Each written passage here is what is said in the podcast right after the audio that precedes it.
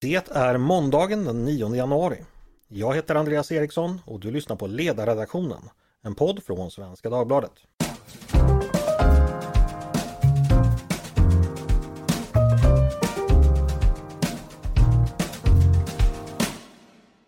Varmt välkomna till Ledarredaktionens första avsnitt år 2023. Ännu ett år som vi ännu en gång börjar med en knippe oxveckor som vi ska försöka ta oss igenom. Men oroa er inte, vi på ledarredaktionen kommer vara med er varenda dag, måndag till fredag, ända fram till dess att vårljuset åter börjar anas. Hästhoven från diket slår upp sina gula ögonlock på en ljumsol och rådjuren börjar åter kalasa på mina spirande tulpaner. Och förstås långt, långt efter det också. Dagens första avsnitt ska handla om USA. Eh, för det var ju så att under årets första dagar samlades den 188 amerikanska kongressen. Den som valdes höstas och nu ska sitta i två år framåt. Och en av de första uppgifterna för representanthuset det var att välja talman. Och Republikanerna fick ju som ni alla minns en majoritet eh, efter höstens val.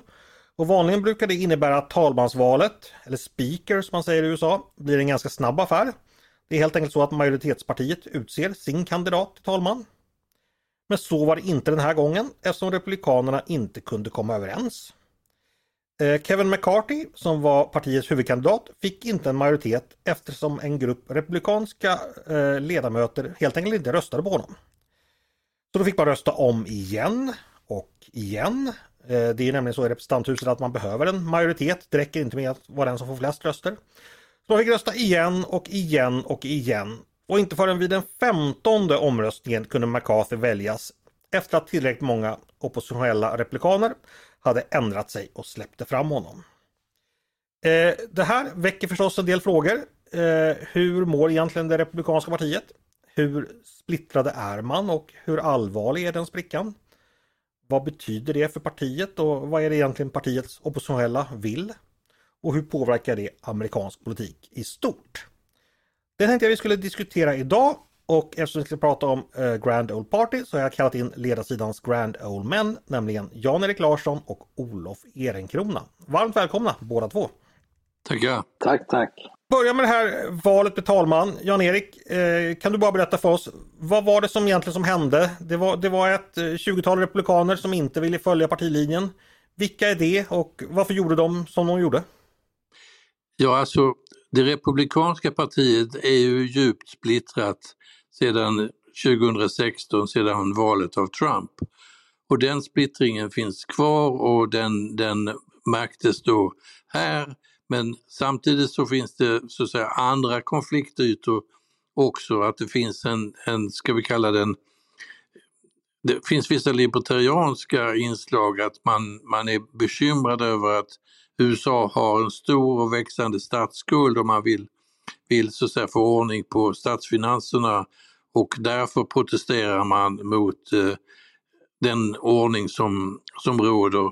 Så där, det finns lite olika förklaringar men jag var i, i USA stort sett hela november och eh, jag kan säga det att allmänheten bryr sig rysligt lite om det här politiska spelet i, i Washington.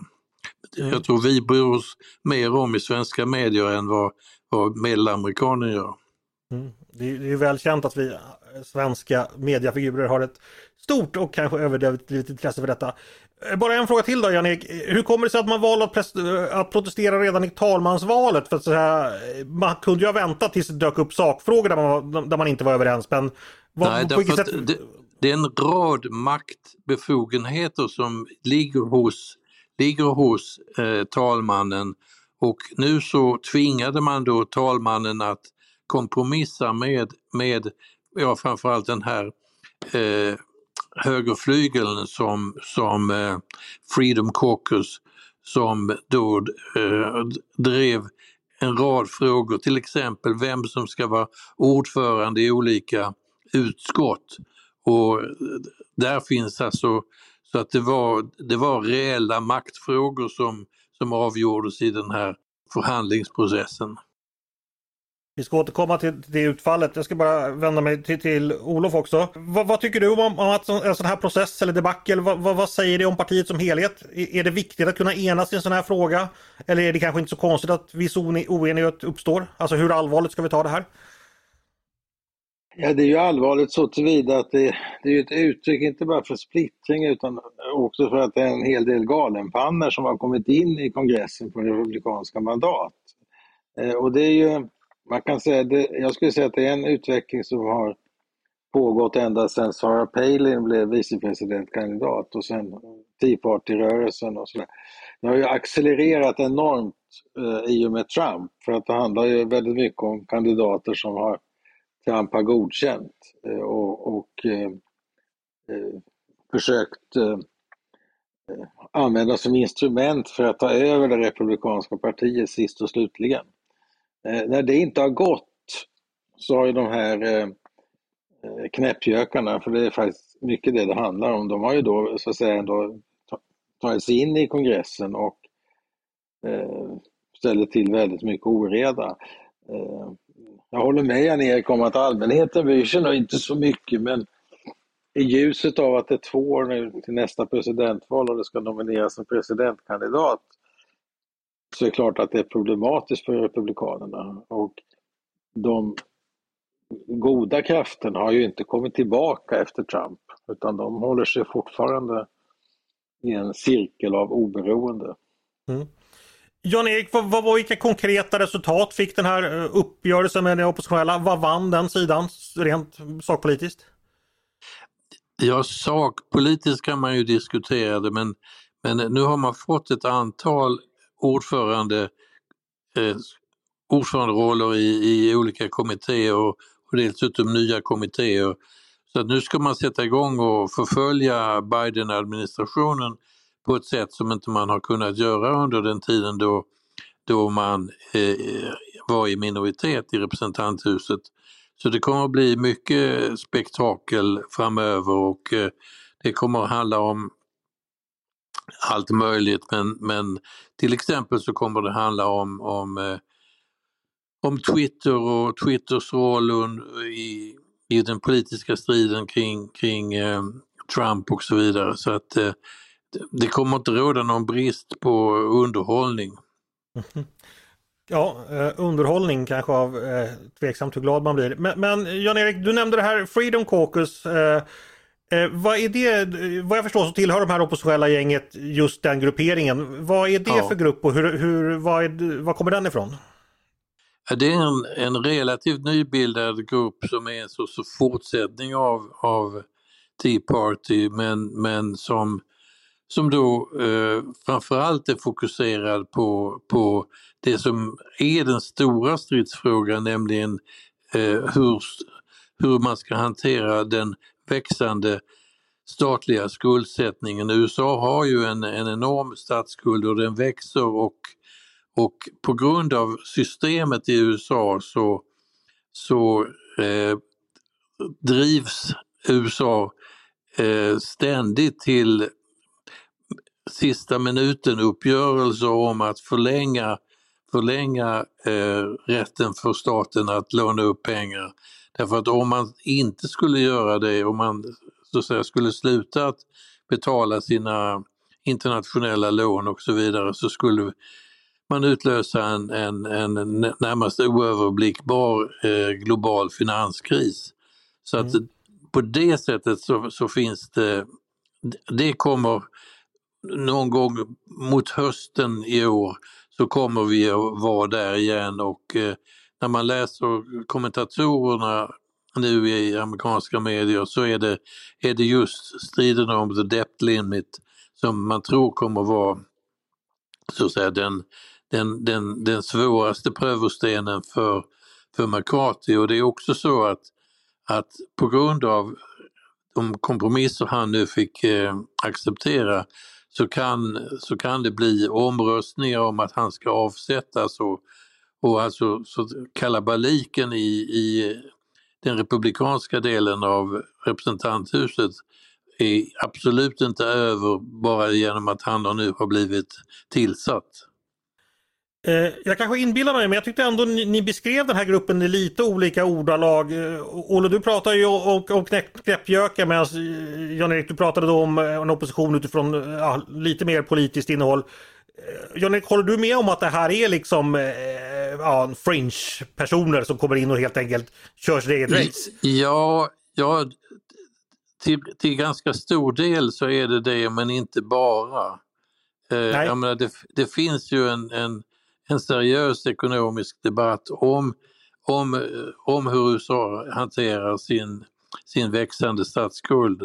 Så det, mm. det är ju inte, eh, så just den delen av, av problematiken är ju inte, men jag håller ju med Olle att det finns ju eh, tämligen fringe persons i, i den här gruppen men, men det finns också sakfrågor som, som det, som kommer att behöva en seriös debatt med tiden.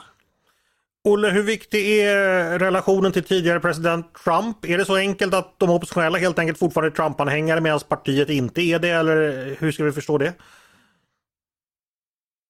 Ja, det är de ju naturligtvis, men, men det är klart att Trump har förlorat mycket av sin karisma också för de där eh, genom eh, ja, det sättet som han har rört till det eh, efter, efter nederlaget. Eh, och eh, man ska ju komma ihåg att Trump har inte, han har inte vunnit någonting på att ifrågasätta valresultatet. Han har inte kommit en tum närmare Eh, att visa att valet var stulet och så. Så att det är klart att det här är ju de, det här är ska vi säga, en personlighetsfråga hos, hos de här fringe persons. Och eh, vad som händer är helt enkelt att de, de ställer till så mycket oreda så att organisationen löses upp. Eh, det, det, blir, det blir fraktionsstrider hela tiden och allting, eh, allting eh, leder fram till någon typ av maktkamp eller, eller bråk mm. och, eller kaos. Och även om det är en sakfråga som är väldigt seriös i, i botten, precis som Jan-Erik säger, där håller jag helt med honom.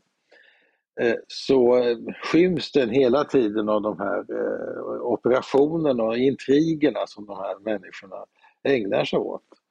Mm. Och nu är det statsskulden som det är fokuserat på men, men det här pågår ju också när det gäller stödet till Ukraina. dock i mindre omfattning därför att då är det färre som bråkar. Eh, men det här är, det är en röta, en cancersvulst i det republikanska partiet som gör att det inte det är inte statsbärande längre. Och när och hur uppstod den? Eh, du nämnde Sarah Palin, tror jag. Det var väl du som nämnde henne. Då ja. pratade vi 2008 någonstans. Vad var det som hände och vad var det som enligt ditt tycke då gick fel? Nej, alltså hon valdes ju till vicepresidentkandidat och McCain förlorade valet på, delvis på det. Eh, och eh, sen så, så att säga, öppnade ju slussarna för, för en, eh, ja det som sen blev Tea Party, som ju då var någonting som alluderade på frihetskriget från Storbritannien och, och Boston, eh, Boston Tea Party. Mm. Eh, och det var, var då en slags en, en tydlig populistisk krets, men fortfarande inom så att säga ändå rimliga råmärken. Freedom Caucus har ju då blivit någonting så att säga som har varit nästa steg och gjort det ännu mer utrerat. Eh, och det är en fraktionsbildning som, som gör att Republikanerna inte, inte klarar av att ta ett riktigt politiskt ansvar. Delvis doldes det här ju under Trump, paradoxalt nog. Eh, då bråkade de inte. Den här gruppen fanns under Trump och bråkade inte då. Nej, Precis, därför att Trump råkade så mycket själv. Mm. Mm. Eh, så att, men när Trump är borta nu så kommer det här i dagen igen. Jan-Erik, vill du komplettera eller, eller revidera den historieskrivningen som Olle gjorde nu här? Att här? Jag tror um, Olles historieskrivning är, är, är korrekt men, men utan man kanske ska också nu titta framåt därför att, därför att om Republikanerna inför presidentvalet eh, om två år, mindre än två år, eh, visar sig så splittrade som man är nu, då kommer det ju att få effekter på, på så att säga, inte bara presidentvalet utan också på valen till senat och, och representanthus. Så att det är en, och det är väl det som Ola antyder, det är en, en komplicerad och farlig situation för det republikanska partiet. Mm. Eh, en, en, fråga jag har här. Man pratar ju ofta om att eh, högern internationellt sett har så att säga blivit anstucken av nationalism på väldigt många håll. Och då liksom inte den här Alltså nationalism är ju en självklarhet i amerikansk politik på ett sätt som det inte är hos oss. Men, men liksom en annan nyare, mer aggressiv, exkluderande nationalism. Eh, är det sant? Är det det som har skett med amerikansk höger också tycker ni? Är, är det en bidragande faktor till att det har blivit så här? Va, va, vad säger du Olle? Jo, absolut, eh, absolut. Och jag tycker det här är det som också Tories har, har råkat ut för. Eh, och det började ju med att tabloiderna Tabloiderna körde ju Brexit och eh, det gick inte att bli parlamentsledamot i, i väldigt många Toryvalkretsar om man inte ställde upp på den här populistiska anti-EU-linjen till exempel. Mm. Och sen ledde ju det till Boris Johnson och så såg vi vad som hände efter Boris Johnson. Och, alltså vi har ju sett precis samma splittring i, i, i, i Tories som vi ser i det republikanska partiet. Eh, och eh, det, man kan väl då kanske då notera att eh, även Frankrike är ju berört. Det, det republikanska partiet där har ju gått in i dimman till exempel. Mm. Eh, men det har ju dolts lite av den franska socialisternas kris. Så att, eh, extremisterna äter, i, äter från båda håll samtidigt som det ändå är så att det amerikanska valet nu senast ledde ju till en förstärkning ändå av, av mittenfraktionerna både i demokratiska, demokratiska partiet och republikanska. Precis. Så var det ju, alltså jag minns ju en podd vi gjorde du och jag, Jan-Erik bland andra, i, i de, efter valet november och där kunde vi konstatera att det var moderata krafter i, på båda håll som hade gått segrande, alltså mer, något mer centristiska ja. krafter då. Eh, är, är det en analys som fortfarande håller, tycker du? att det var det, det så... Ja, det, den håller men, men det är ju viktigt att, att notera att medialt så är det, ju oin, är det ju alltid ointressant att peka på att, att moderata krafter har stärkts. Utan det är ju, det är ju den, alltid de extrema rörelserna som, som drar åt sig det mediala intresset. Så att eh, det är därför som vi har sett nu så mycket av, av eh, om man följer BBC eller CNN så har de ju varit helt besatta av eh, de här omröstningarna i, kring Kevin McCarthy. Mm. Say hello to a new era of mental health care. Cerebral is here to help you achieve your mental wellness goals with professional therapy and medication management support. 100% online. You'll experience the all new Cerebral Way, an innovative approach to mental wellness designed around you. You'll get a personalized treatment plan from a therapist, prescriber, or both in a safe and judgment free space. Your cerebral therapist or prescriber will outline a customized plan with clear milestones along the way so you can get to feeling your best. With Cerebral, you're not alone in your mental health journey. We're here to empower you to live a fulfilling life. So take that first step towards a brighter future and sign up today at cerebral.com slash podcast and use code ACasts to get 15% off your first month. Offer only valid on monthly plans. Other exclusions may apply. Offer ends July 31st, 2024. See site for details.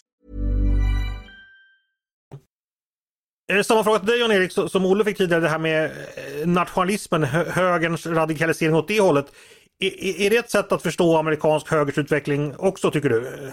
Ja, alltså jag skulle hellre använda att isolationismen har gjort eh, sitt återtåg i, i, amerikansk politik på ett, ett sätt som, som vi inte som vi i stort sett inte sett under hela efterkrigstiden före, före Trump. Mm. Och i relation till Ukraina-frågan, hur spelar den ut sig så? Är det krafter inom Republikanerna som helt enkelt inte vill se USA mer engagerat där?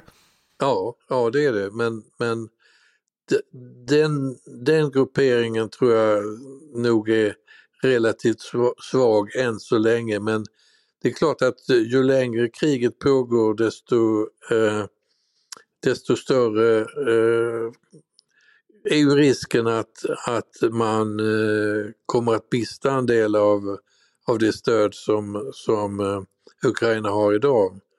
Det, mm. det, är en risk som man ska vara medveten om. Olle, vad säger du? Är isolationismen på frammarsch i USA? Eh, ja, eh, det, det, den uppfattningen delar jag och Jan-Erik sa det, vi har inte sett det sedan andra världskriget. Och, och, men det kan vara intressant att se 20 och 30-talets USA, alltså USA efter första världskriget. Där gick ju isolationismen hand i hand med en, en förstärkning av sådana här grupper som Ku, Ku Klux Klan och, och Eh, och eh, nazisterna var ju, väldigt fort, var ju faktiskt starka i USA. Roosevelt var ju klavbunden ända fram till, eh, till Pearl Harbor av, av den här isolationistiska, eh, extremt nationalistiska opinionen. Eh, det som tycker jag också är viktigt att ha klart för sig det är att det är ju inte bara i väst som vi ser det här. Alltså, Putins krig är ju ett uttryck för eh, en extrem version av det här. Eh, Xi Jinping i Kina eh, manifesterar ju detta också. Så att, och sen har du som sagt Bolsonaro i, i Brasilien och upploppet där nu i dagarna. Så att det är en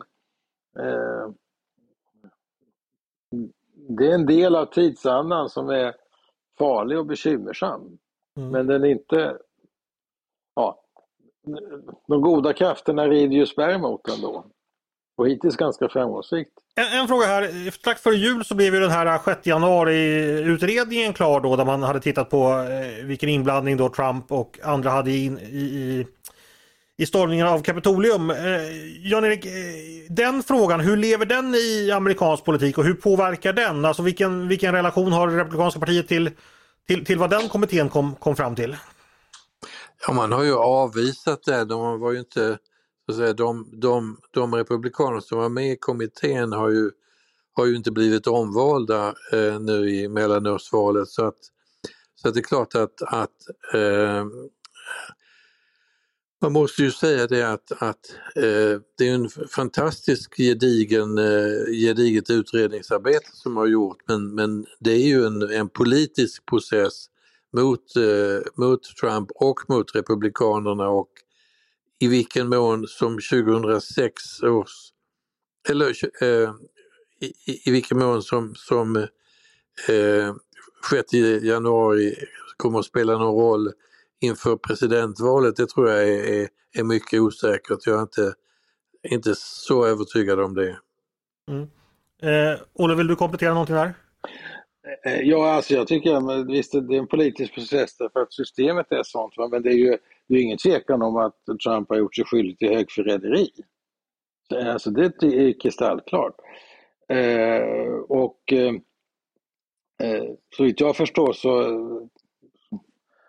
borde han åtalas och fällas och spärras in.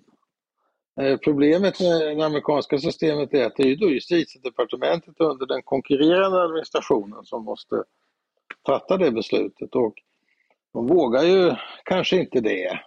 Det luktar ju alltid lite bananrepublik när efterträdaren åtalar sin företrädare.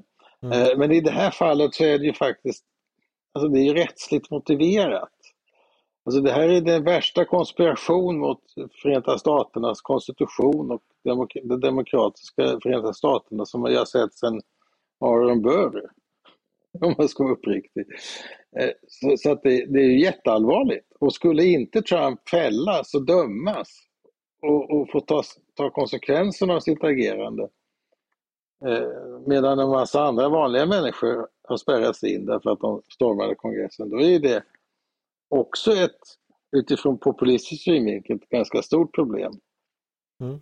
Jag vill också poängtera det som Timothy Snyder har, har, beskrivit här, som är väldigt viktigt i en artikel alldeles nyligen, där han säger det att samtidigt som Trump drog igång det här med valfusket eller det förmenta valfusket, så satte man igång en jättelik insamlingskampanj bland vanliga människor som är normala inkomster eller fattiga människor som skulle bidra till processen att visa att valet var, var, var, var förfuskat. De här köpte in sig i historieskrivningen och de blir psykologiskt uppbundna kring den här historieskrivningen. Eh, pengarna gick ju som vanligt till att fylla Trumps fickor.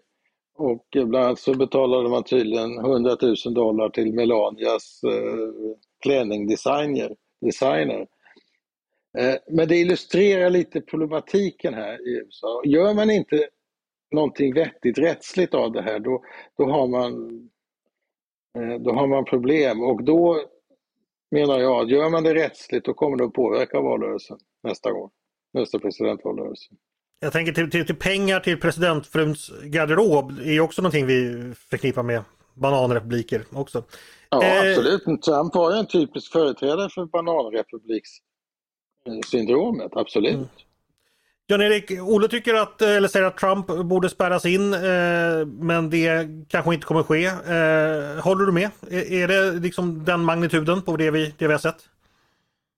Ja, alltså det, det, det är juridisk logik i, i Olles resonemang. Frågan är om det är politisk logik och det är väl det som nu justitiedepartementet och Biden-administrationen grubblar över vad man ska göra. För att det kan ju vara så att, att man, om man, om man så att säga lyfter upp Trump igen så eh, stärker det hans eh, position och inte försvagar den. För att eh,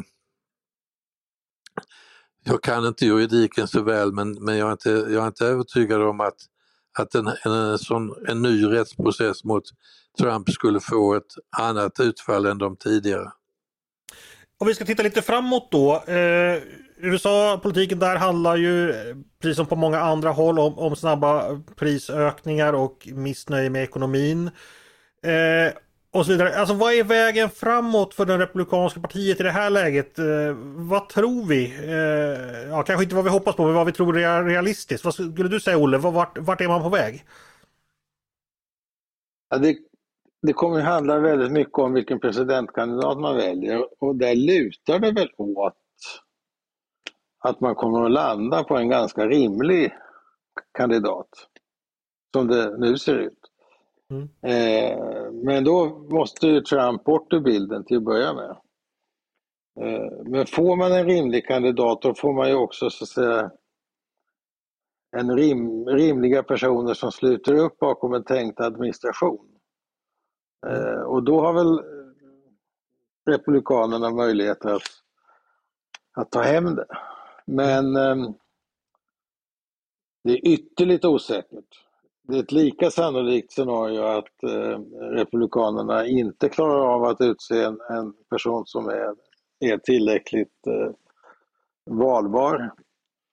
Eh, men det beror ju också på vad, vad som händer på den demokratiska sidan och det kan man ju konstatera att där är det ju rätt tomt. Och Biden kommer ju inte att kunna ta en valrörelse till, det, det är jag rätt säker på. Utan, och eh, vicepresidenten klarar inte heller av På den punkten Olle så tror jag att Joe Biden inte delar din uppfattning. Nej, det, det, det håller jag helt med om. Men, men uh, han är ju väldigt, väldigt stabbigt. Är det. Joe Biden kunde mm. tyvärr inte medverka i dagens podd men han kanske kommer i ett senare skede. Eh, Jan-Erik, om du tittar framåt då, eh, Republikanska partiet. Eh, vad är det troliga att man landar någonstans eh, ja, politiskt och, och, och eh, vad, vad, vad, som händer helt enkelt framåt?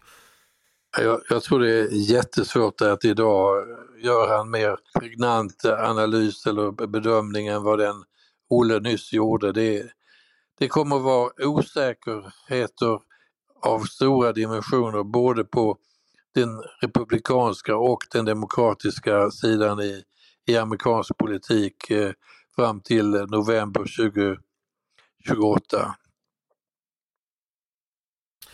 Eh, just det.